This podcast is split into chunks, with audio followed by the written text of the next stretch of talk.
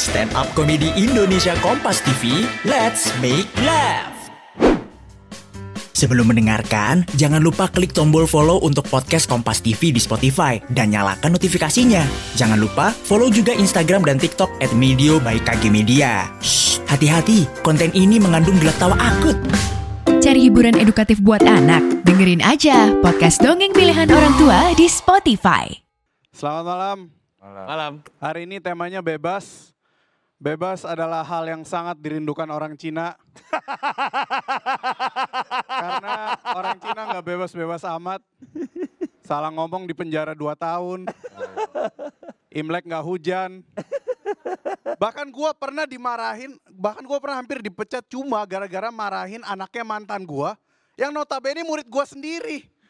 Itu sih bukan karena gua Cina, emang gua benci aja sama anaknya. Hari ini juga ada impersonate challenge. I mean, come on bro. Impersonating is not a challenge for me. Asik. Tiap minggu juga gue impersonate Next Carlos. Waktu Next Carlos datang, gue kena getahnya, gue kena bottom three. Gue udah siapin kata-kata terakhir. Terima kasih atas kesempatan ini Kompas TV. Saya akan lanjut makan keliling Indonesia. Tiap minggu juga sama tim Kompas. Promote dong guys, promote Suci One X biar banyak yang nonton gitu. Kita tayang jam 10 malam. Emang ratingnya sebagus apa sih? Udah langsung upload aja semua ke YouTube beres gitu. Murid-murid gua, mereka nonton gua dari YouTube semua. Mereka nonton gitu nge-WhatsApp gua, Mr. Ben stand up mulu. Mr. Ben gak kangen apa ngajarin kita. Gua baca WhatsApp dari murid gua, ya ampun anak-anak ini kok bisa ya sepede ini. ya enggak lah, gue benci sama kalian. Kalian tuh cuma batu loncatan untuk karir gua. Lu pikir gue seneng diomelin mak lu tiap hari? Mr. Ben, Mr. Ben, anak saya kalau listeningnya jelek ya nggak tahu bawa ke THT dong bu.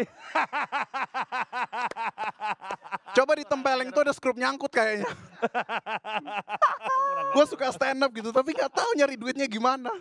Manajer gue Yono, dia pernah dapat dia pernah dapat job, uh, dia pernah dihubungin IO yang nyari komik Cina. Nah kalau orang nyari komik Cina bayangannya pasti Ernest Prakasa kan. Nggak mungkin Barry William. Barry itu dipanggil koh nggak nyaut. Dia cuma nyaut kalau dipanggil bang atau dipanggil komunitas musang. Nggak nyaut. Barry William. Kok Ernest tuh selalu dicari. Ibarat selalu dicari, selalu dipakai membawa kebahagiaan. Ibarat emot dia tuh emoticon senyum. Saya ini emoticon tupai. Situasi apa yang menuntut kita untuk menggunakan emoticon tupai. Bro, OTW, tupai. Bro, Cina berang, tupai, bendera Ceko. Tidak ada. Tadi adalah impersonate Ali yang sangat luar biasa. lanjut, lanjut ke cerita Yono. Jadi Yono ditelepon sama Ionya.